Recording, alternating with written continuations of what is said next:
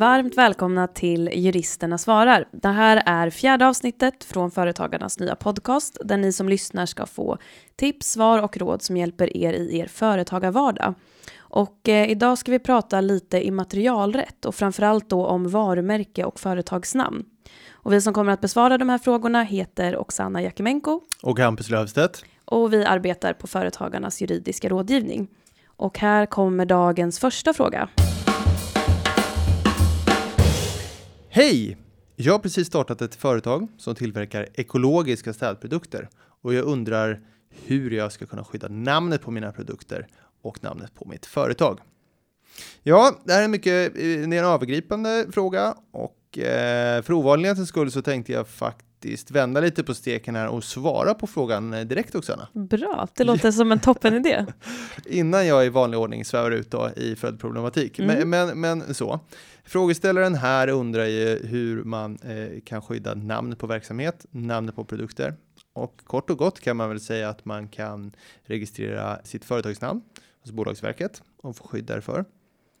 Och beträffande namnet på sina produkter så kan man skicka in en ansökan till, till PRV eller direkt till EU-IPO om man vill få skydd i he, hela EU då. Just det. Och vad står PRV för?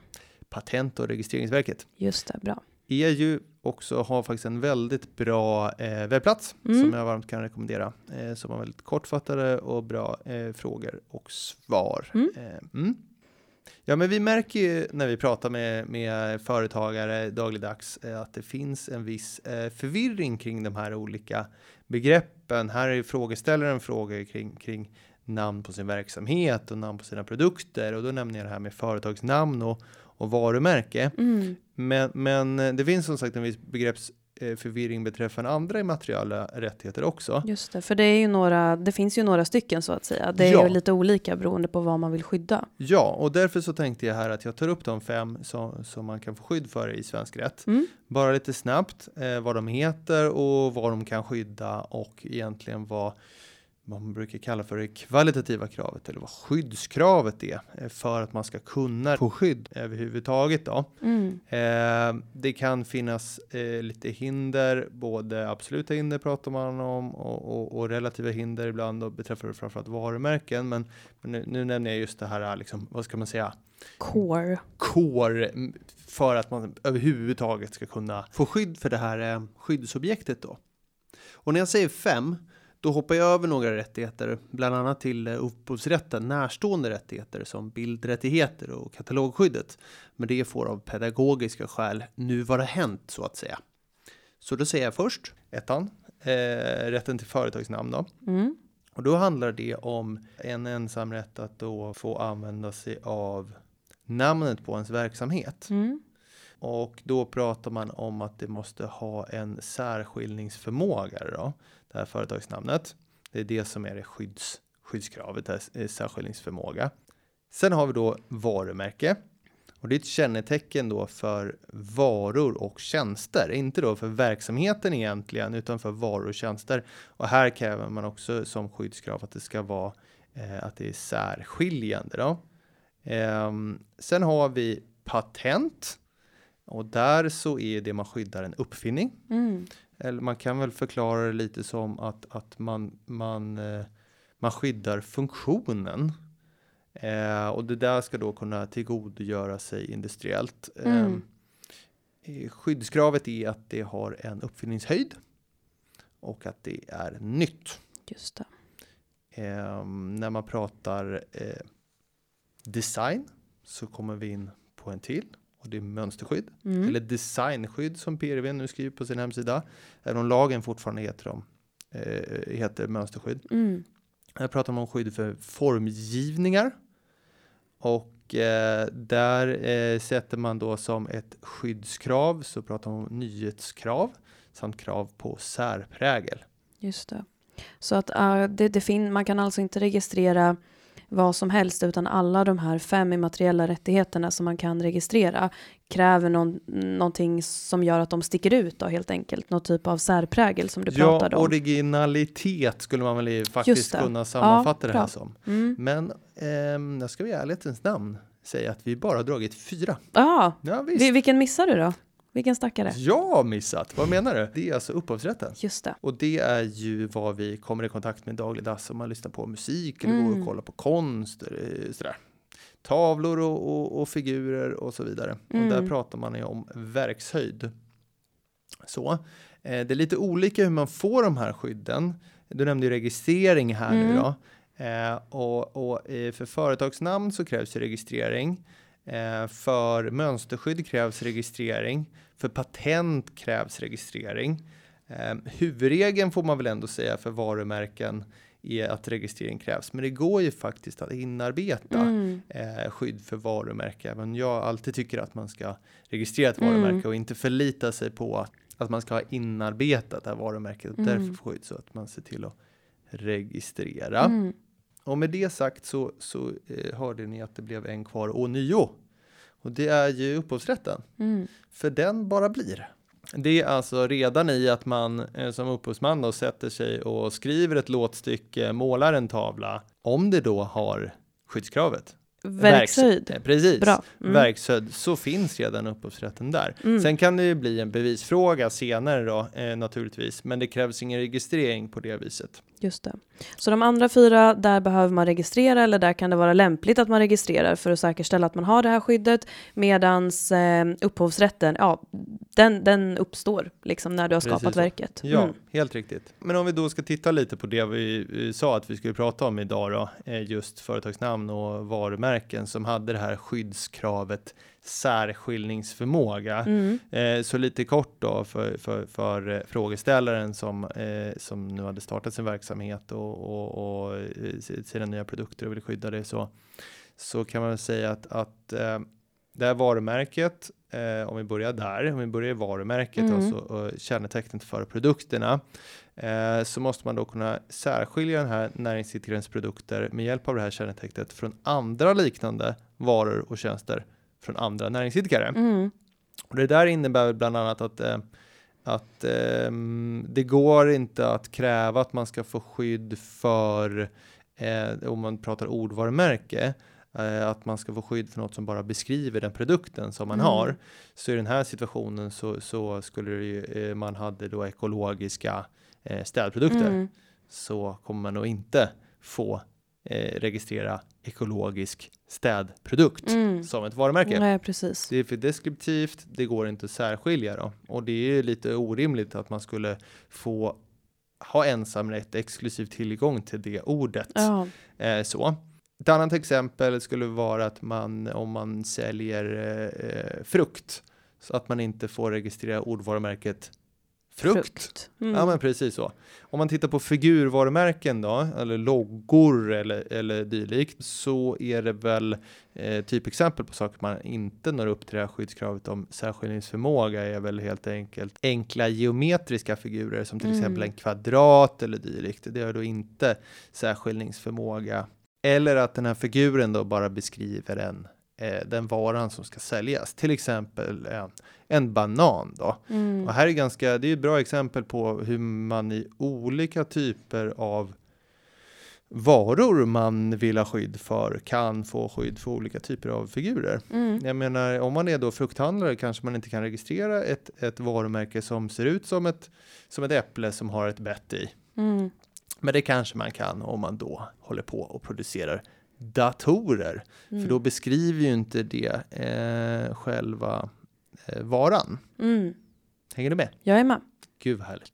Ja, och på samma sätt så kräver ju då företagsnamn särskiljningsförmåga som vi sa. Men här har man faktiskt i förarbetena sagt lite att eh, den här kravet på särskiljningsförmåga är lite, lite lägre än vad som krävs i varumärkesskyddet. Exempel från praxis är att man, det var inte okej ändå dock med eh, fackmässan Dagens Butik. Mhm. Fick man inte registrera för det var alldeles för, för deskriptivt då. Sen har vi även firman Båtar Sånt Aktiebolag. Gick inte heller igenom. Mhm. Ja, och det här med skyddskravet är då ett grundläggande krav för att man ska kunna få skydd eh, för, för ja, de, alla de här immateriella rättigheterna Mm. som jag nämnde, men just det här framförallt då varumärke och företagsnamn och man brukar prata i varumärkesanseende om att det här är ett absolut eh, registreringshinder då, egentligen om man inte uppnår det här skyddskravet. Eh, relativa registreringshinder kan ju istället vara att man har något som är för likt något annat äldre varumärke och det kommer vi komma in på Mm. lite längre fram. Förväxlingsbart pratar man om. Ett annat där eh, relativt registreringshinder kan vara att det är förväxlingsbart med en annans släktnamn. Mm. Kort ska jag bara nämna det här med det korsvisa skyddet mellan Mm. företagsnamn och varumärke. Och det är att i vardera lag så kan man säga att man hänvisar till varandra. På så sätt, eh, sätt att i, i lag om företagsnamn och så står det att, att den som har ett varumärke har ensam rätt att registrera det varumärket som företagsnamn och vice versa då. Ehm, tips är som sagt om man ska, ska registrera ett varumärke att innan man gör det skickar in ansökan att gå in på PRVs hemsida Mm. eh, och söker deras databas på liknande varumärken så att man antingen inte då eh, fastnar i registreringsprocessen eller down the line får en intrångsfrågan från någon annan som har liknande Mm, varumärke. På Precis. samma sätt om man ska då titta på EU-nivå Mm. så heter den e-search plus på Mm. EU-IPOs söktjänster. Eh, jag stannar där och så Mm. får vi fortsätta tycker jag. Ja, men det gör vi. Nu när vi vet lite mer om, om respektive mm, immateriell rättighet då, och så tänker jag att vi kan ja, men börja grotta lite i, i ja, men hur gör man i mer konkreta fall då när, när någonting händer helt enkelt. Ja. Och fråga två lyder då så här. Hej, vi har utfört arbete åt ett välkänt företag inom möbelbranschen. Får vi använda deras logga på vår hemsida för att visa vilka kunder vi har jobbat med? Okej, spännande tänker jag. Har du avmaskat den här frågan? Eh, Eller vänta, vänta. har du maskat den här frågan? Jag har gjort så här. Jag skulle ju säga att frågan kom precis som jag läste upp den, Mm. men jag tänker att för tydlighetens skull och liksom för enkelhetens skull så drar vi kanske till med, och nu är det inte så här det är i verkligheten, som sagt frågan var så här kortfattad och anonym, Mm. men för enkelhetens skull tänker jag att vi kanske säger då att det här företaget som har utfört eh, tjänster, de är kanske en, en redovisningsbyrå och de har då utfört eh, redovisningstjänster åt, åt, men vi kör Ikea, ett, föret, ett välkänt företag inom möbelbranschen. Eh, utgångspunkten är ju då att ett företag inte får använda ett annat företags registrerade eller inarbetade varumärke för sina varor och tjänster utan varumärkesinnehavarens medgivande. Så att man kan alltså säga här att, att eh, varumärkesinnehavaren har då ensam rätt att använda sitt varumärke för sina varor och tjänster. Mm. Men här brukar man också prata om att den här ensamrätten inte är absolut. Och det betyder ju då att det finns vissa begränsningar i varumärkesinnehavarens ensamrätt då. Och eh, ofta så kan de här begränsningarna förklaras med att det ibland finns ett eh, ja, men oundvikligt behov för ett företag att hänvisa till ett annat företags varumärke. Mm. Till exempel för att förklara en viss reservdelsfunktion eller Mm. kompabilitet med ett annat företags produkter. Och hade då den här varumärkesinnehavaren haft en sån absolut ensamrätt utan, eh, utan några undantag, ja då hade ju det kunnat leda till ja, men orimligt stor begränsning av konkurrensfriheten. Mm. Mm. Så, så med det sagt, det finns en hel del begränsningar i ensamrätten, men nu tänker jag att vi ska fokusera på utgångspunkten. Alltså att andra företag än varumärkesinnehavaren inte får använda varumärket utan varumärkesinnehavarens godkännande. Och eh, ensamrätten, den regleras i och beskrivs på ett bra sätt tycker jag i de tre första punkterna i varumärkeslagens första kapitel, tionde paragraf. Mm. Och eh, de två första punkterna i, i den här paragrafen, de säger då att andra företag än varumärkesinnehavaren inte får använda varumärket i fråga för varor och tjänster av samma slag eller varumärket eller ett liknande tecken för varor och tjänster av samma eller liknande slag om det finns förväxlingsrisk. Och om vi ska koppla de här punkterna då till vårt fall här som vi har med den påhittade redovisningsbyrån och Mm. IKEA så kan vi nog konstatera här att redovisningsbyrån vill ju använda IKEAs logga, alltså IKEAs varumärke. Men däremot så vill ju redovisningsbyrån använda den för sina redovisningstjänster. Man vill ju här visa då på vilka kunder man har haft. Mm. Eh, och Ikea, ja de, de vet vi ju, de säljer ju möbler, vitvaror, kanske monteringstjänster tror jag att de också gör nu. Mm. Så att här är det ju inte fråga om att använda varumärket för, för tjänster av samma slag. Nej men precis, eller liknande ens. Precis, exakt Mm. som man säger i punkten två. Det är nog inte heller fråga om tjänster av liknande slag med förväxlingsrisk. Mm. Så att eh, här, här kan jag tycka att varken punkt 1 eller 2 då kan användas i det här fallet för att begränsa redovisningsbyråns möjlighet att använda loggan. Mm, mm, mm. Men sen som jag sa tidigare då, så är det ju tre punkter i den här paragrafen och i den tredje punkten så anges det så här att ensamrätten också innebär att ett företag inte utan tillstånd då får använda ett annat företags varumärke eller liknande tecken för varor och tjänster av samma eller liknande eller annat slag Mm. om varumärket är känt inom en betydande del av omsättningskretsen och om användningen utan skälig anledning drar otillbörlig fördel eller är av skada för varumärkesinnehavarens särskiljningsförmåga eller anseende. Ah. Lång mening, men jag Verkligen. tänker att eh, Kan man förkorta, visst brukar man förkorta det som anseendeskydd eller utökat exakt skydd? det Ja. utökade skyddet, precis. Mm. Och jag tänker att om vi, ska, om vi ska försöka bryta ner den här punkten och förstå vad den faktiskt innebär så behöver vi gå tillbaka till EU-rätten och EU-domstolens avgörande i Davidoff-målet från 2003. Ja, Eller hur? Är Äntligen. EU-rätt. Den kommer alltid Ja. tillbaka. Och ja, så är det ju alltså att även varumärkeslagen bygger till stor del på EU-lagstiftning. Så att därför behöver vi gå in och grotta lite där. För att få en förklaring helt enkelt.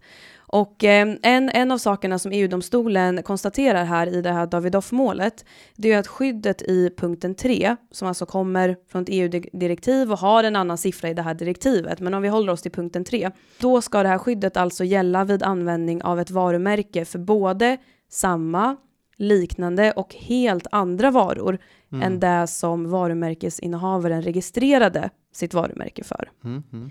Så då tänker jag så här att om vi går igenom varje kriterie här i punkten 3 så skulle man då kunna resonera så här att redovisningsbyrån använder ju då ett identiskt varumärke, alltså Ikeas logga.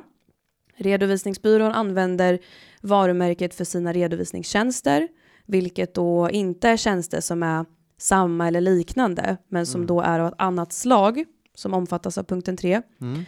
Varumärket Ikea, ja men det är ju, det är ju väldigt välkänt i Sverige och Mm. förmodligen då känt inom den här betydande delen av omsättningskretsen som man pratar om. Mm. Och sen så kommer vi då till kriteriet att användningen av varumärket ska utan skälig anledning dra otillbörlig fördel av eller är till skada då för Ikea, eh, Ikeas särskiljningsförmåga eller anseende, alltså Mm. renommé. Och det här vet vi inte riktigt utifrån den här informationen vi har fått i frågan. Men man kan väl säga så här att skulle det uppstå en tvist i det här så ligger det på Ikea då att visa att eh, sådana här omständigheter föreligger. Mm. Mm. Och skulle det vara så att man kommer fram här till att redovisningsbyrån då på något sätt eh, ja, men drar otillbörlig fördel eller är till skada för Ikeas renommé, då är alltså alla kriterierna uppfyllda i den här punkten, vilket gör då att man har brutit mot, eh, man har gjort ett intrång i varumärket. Mm. Och man kan också säga det att skulle man komma fram då till att den här redovisningsbyrån ägnar sig då åt så kallad ja, men renommésnyltning, man åker räkmacka på någon annans eh, goda anseende, Mm. då skulle det också kunna vara ett brott mot marknadsföringslagen. Just det. Så eh, sammanfattningsvis så tänker jag att vi, vi skulle väl kanske inte rekommendera då den här företagaren, om det nu är en redovisningsbyrå eller vilka tjänster man nu utför åt det här Mm. möbelföretaget, som ju förmodligen inte är Ikea utan något Nej. annat. Eh, vi skulle väl inte rekommendera då att man använder det här välkända möbelföretagets logga på sin hemsida utan möbelföretagets tillstånd. För Mm. då kan man helt enkelt, som sagt, då kan det helt enkelt både bli ett varumärkesintrång men kanske också brott mot marknadsföringslagen. Ja, nej, men jag, jag tänkte bara, eh, du tog ju avstamp i utgångspunkt eller huvudregel vad man ska säga kring det här med att man har en ensamrätt att använda sitt varumärke. Eh, så. Eh, men man märker ju sen när man börjar, ti- om man liksom har det som övergripande eh, tanke så märker man Mm. sen när man börjar titta på de här olika tre punkterna att det är lite snävare än så. Mm. Att man, i, I vissa fall så kräver ju då eh, eh, varulikhet så att säga. Mm. Om man inte är nere i punkt 3 då med det här välkända. Exakt, i omsättningskretsen. Ja, men och det är väl det att så här, man, eh, ja, utgångspunkten som sagt ensamrätten, men som jag nämnde där i början, det finns en hel del begränsningar. Eh, nej, men jag tänker också att vi kanske ska nämna någonting om vad man, om man vänder på situationen då, att vad gör man om ens egna företag blir utsatt för varumärkesintrång? Mm. Och eh, ja, men som, som steg ett då så bör man ju förstås ta kontakt med den man anser har gjort ett intrång i ens varumärke. Mm. Och då kan man till exempelvis skicka ett Season desist. Exakt, alltså ett slags varningsbrev då helt enkelt, där man informerar om sin ensamrätt om intrånget och eh, helt enkelt ber att det här företaget omedelbart upphör med det de håller på med, alltså gör varumärkesintrång i ens verksamhet. Sluta ha våran logga på er hemsida. Exakt, kort och gott. Eh, sen kan det ju vara så att företaget, man får inget svar eller man märker att företaget slutar inte med det här utan de fortsätter att använda den här loggan på, på sina produkter. Och då kan man faktiskt gå vidare och göra en polisanmälan eh, och låta polisen då sköta den här utredningen. Eller så kan man också ta hjälp av en advokat och vända sig då till Patent och marknadsdomstolen. Härligt, ska vi ta nästa fråga då eller? Ja men det gör vi. Så då har vi kommit fram till dagens och poddens tredje fråga. Yes. Hej! Vi har registrerat ett figurvarumärke för våra produkter och nu har en konkurrent börjat trycka en liknande logga på sina produkter. Vad kan vi göra? Hmm. Ja, eh, vi har ju här tidigare pratat om vad ett varumärke kan vara och logga är ju något sånt och vi, vi eh, här har man ju då registrerat, fått en logga registrerad. Eh, och som vi tolkar frågan så har man ju gjort det innan den här konkurrenten då får vi Mm. gissa helt Mm. enkelt. Så man har en äldre rättighet. Ehm, vi har ju varit inne på som du, du pratade om här i, i, i då paragrafen Oksana. Eh, första kapitlet tionde paragrafen, varumärkeslagen. Precis, där gick vi igenom de här eh, tre punkterna, Mm. punkt 1, 2, 3. Ehm, där vi då märkte att i punkten 2 så spelar det roll vad den här konkurrenten eller vad den här andra eh, så, som har ett yngre, eh, yngre logga, Mm. vad den använder det här till för ehm, produkter. Mm. Man pratar då alltså, det är kanske här huvudsituationen beträffande varumärkens intrång, varumärkesproblematik Mm. hamnar faktiskt att man att man titt, hamnar i en avvägning om att jaha, två loggor, två varumärken är liknar varandra. Mm. Så får man titta då på eh, helt enkelt märkeslikheten och sen får man också titta på på eh, varulikheten det. och det här kallar man ju då för en förväxlingsbedömning eller Mm. finns det förväxlingsrisk mellan de här två varumärkena? Mm. Så hur gör man då egentligen den här förväxlingsbedömningen? Mm. Punkten två, huvudsituationen. Eh, är den här loggan lik den andra loggan? Är varorna lika varandra? Ja, alltså det här egentligen så ramlar jag tillbaks i så här, hur stort skydd har man för sin logga? Mm. Om vi skulle rita upp någon form av amöba runt loggan. Eh, ni som lyssnade på podcastavsnitt 1 varit med om det här förr, men om man ritar upp en amöba kring loggan så är det vad den är skyddad för så att säga mot. Och om man är det, kommer innanför den där amöban så gör man ju intrång så att säga. Mm. Eh, och problemet med immateriella rättigheter och bedömningen av det här skyddsområdet är ju att det här blir väldigt svårt. Om man jämför med till exempel en rättighet till en fastighet Mm. så är det ju väldigt tydligt med, med eh, var eh, gränsen för tomten går helt Mm. enkelt. Och jag äger på den här sidan, du äger på den andra sidan. Men när det kommer till immateriella rättigheter så blir det ju en fråga kring om eh, det, det här kanske inte riktigt utkristalliseras förrän det sker som det har skett här. Mm. Att någon annan skaffar en liknande logga. Mm. Det blir prövat i domstol. Hur får man då se så här, ha, hur, hur stort skydd hade jag? Hur stor är den här amöban Mm. runt loggan? Och det där blir ju eh, som så att, att i slutändan, hur vi än vrider och vänder på det, så är det ju en individ till slut och en domare som, som helt enkelt sätter sig och gör en subjektiv bedömning av det här skyddsområdet. Mm. Är de här lika varandra? Har den här äldre lagan en amöba som sträcker sig så ut så, så mycket så att den nya loggan gör intrång inom den här Mm. amöban? Och med andra ord så trillar man hela tiden tillbaks i att ja, är den mänskliga uppfattningen av, av det här då?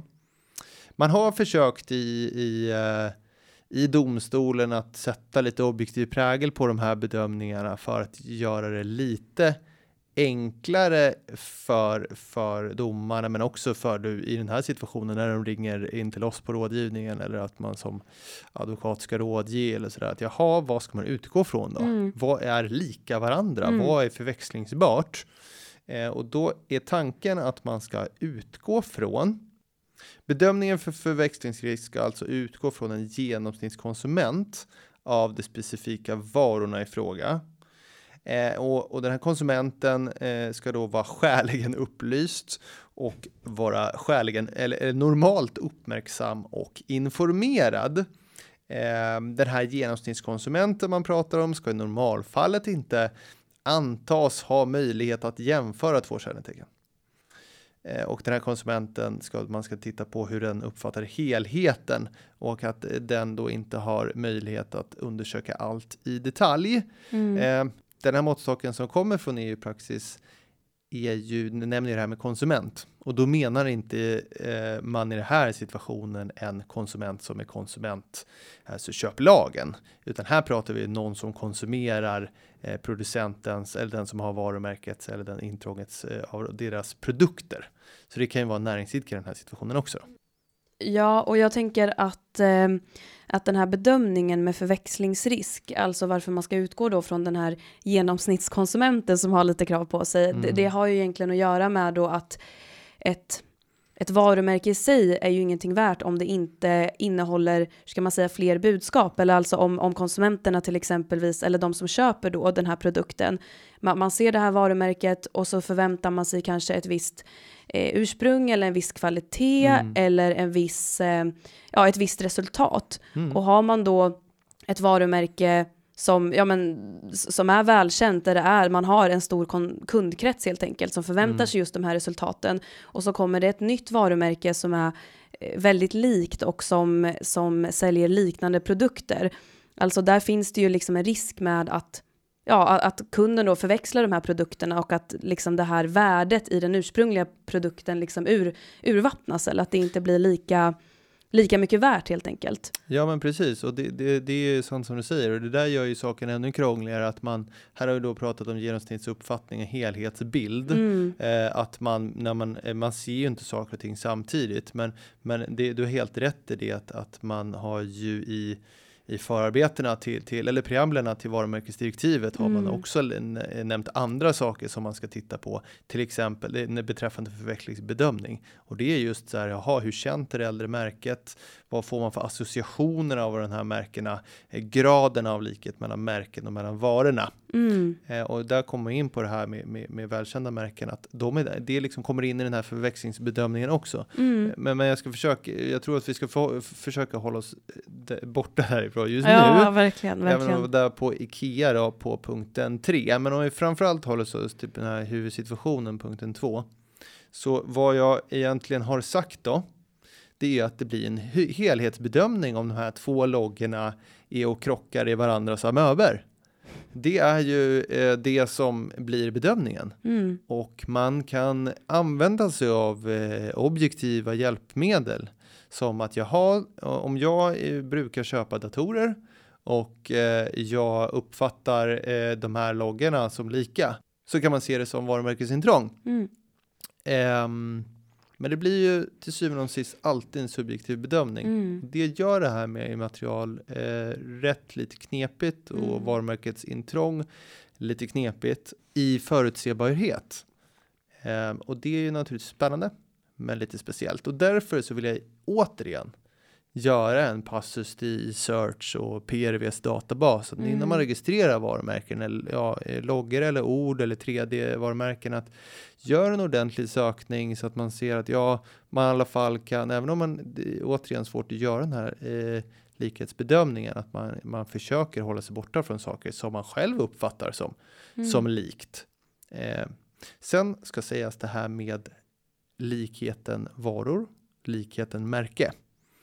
Att ehm, nu har vi mest pratat likhet mellan märket. Mm. Men det ska sägas, det där är ganska dynamiskt på så sätt att om loggorna i det här fallet är väldigt lika. Men varorna kanske är inte så lika, men ändå liknande slag. Mm. Så tenderar ju eh, det slå över på, om märkena är väldigt lika, så kanske inte varorna behöver vara lika lika så att Mm, säga. mm. Och om varorna är väldigt lika så kanske inte loggan, varumärket måste vara lika likt för Just att det det. ändå ska ses som varumärkesintrång. Mm. Men ja, som sagt, alltså en helhetsbedömning även där då, som i så många andra fall, att ta hänsyn till Mm. alla omständigheterna och, se som sagt hur, vad gäller likheterna, vad, vad landar man i? Ja, och här kommer vi tillbaka till sist till sist, som vi var inne Mm. på förut, att, att eh, det är ju inte mer än att man hör av sig till den här konkurrenten och säger hej, vi gör bedömningen Mm. att eh, eran logga är väldigt lik våran logga. Ni säljer samma produkter och tjänster som vi Mm. gör, eh, så därför blir den här förväxlingsrisken påtaglig och tydlig. Mm. så Vänligen upphör. Vänligen upphör Mm. med detta. Mm. Man börjar helt enkelt där. Jag tycker nästan det. Ja, Och eh, jag tror inte vi gör det tydligare än så idag va? vi, vi stannar där tänker jag. I alla fall för den frågan, för vi har ju faktiskt en sista fråga som vi ska gå igenom. Gud vad härligt. Den rör domän. Det, det är ju inte riktigt immaterialrätt på det sättet som vi har pratat om här i de tidigare frågorna, men de, de överlappar ju varandra lite. Och eh, den här frågan är ställd så här. Hej, jag har ett registrerat varumärke som heter Kalles Motorer och nu när jag skulle bygga en hemsida så, och skaffa en domän, alltså kallesmotorer.se, så var den redan upptagen. Vad ska jag göra? Ja, och det här är ju en, en väldigt tråkig situation som ja, kanske inte uppstår allt för sällan. Det kan ju vara så att man har, man har gjort en stor plan, man har Eh, skapat ett bolag, man har registrerat ett varumärke och sen så är man då på sista steget för man tänker att ja, men, jag ska liksom skaffa en domän, det behöver inte ta eh, en evighet. Men så upptäcker man då att här är det redan någon annan som har registrerat eh, mitt företagsnamn eller mitt varumärke då som en domän. När man har ett varumärkesskydd för sitt företagsnamn och man har registrerat företagsnamnet hos Bolagsverket så får man ju inte ett automatiskt skydd för ett domännamn utan den här registreringen av domänen det är ju egentligen en helt, helt separat process. Och i den processen kan man säga att det är lite mm, först till kvarn som gäller. Alltså den som först registrerar ett domännamn får det domännamnet. Och där sker det alltså ingen förprövning. Eh, men, och lite kort här kan man väl nämna att om man vill veta då om det här domännamnet som man planerar att använda är ledigt, då går man in på Internetstiftelsens hemsida och så söker man på namnet för att se om det är ledigt. Och eh, vill man sen då registrera det här domännamnet så gör man det genom någon av Internetstiftelsens återförsäljare. Men det var bara en parentes. Eh, som sagt, är det så att man går in och söker på dom domännamnet och inser att det är upptaget, men man tycker då att man har bättre rätt till det här domännamnet än den som redan har registrerat det, så går det alltså att i efterhand pröva den här tilldelningen av domänen. Och för att man eh, ska vinna en sån tvist kan man väl säga så krävs det då att Kalle här som, låt säga att Kalle här driver Kalles motorer Mm. och han vill då ha bättre rätt till det här domännamnet. Då måste tre kriterier vara uppfyllda. Mm. Em, Det första kriteriet är att Kalle måste ha en rättighet, till exempelvis ett varumärke eller ett företagsnamn med rättsgrund i Sverige. Mhm. Och det här betyder då att eh, det registrerade do- domännamnet ska vara identiskt med eller likna ett varukännetecken och att Kalle i det här fallet ska kunna bevisa det då. Mm.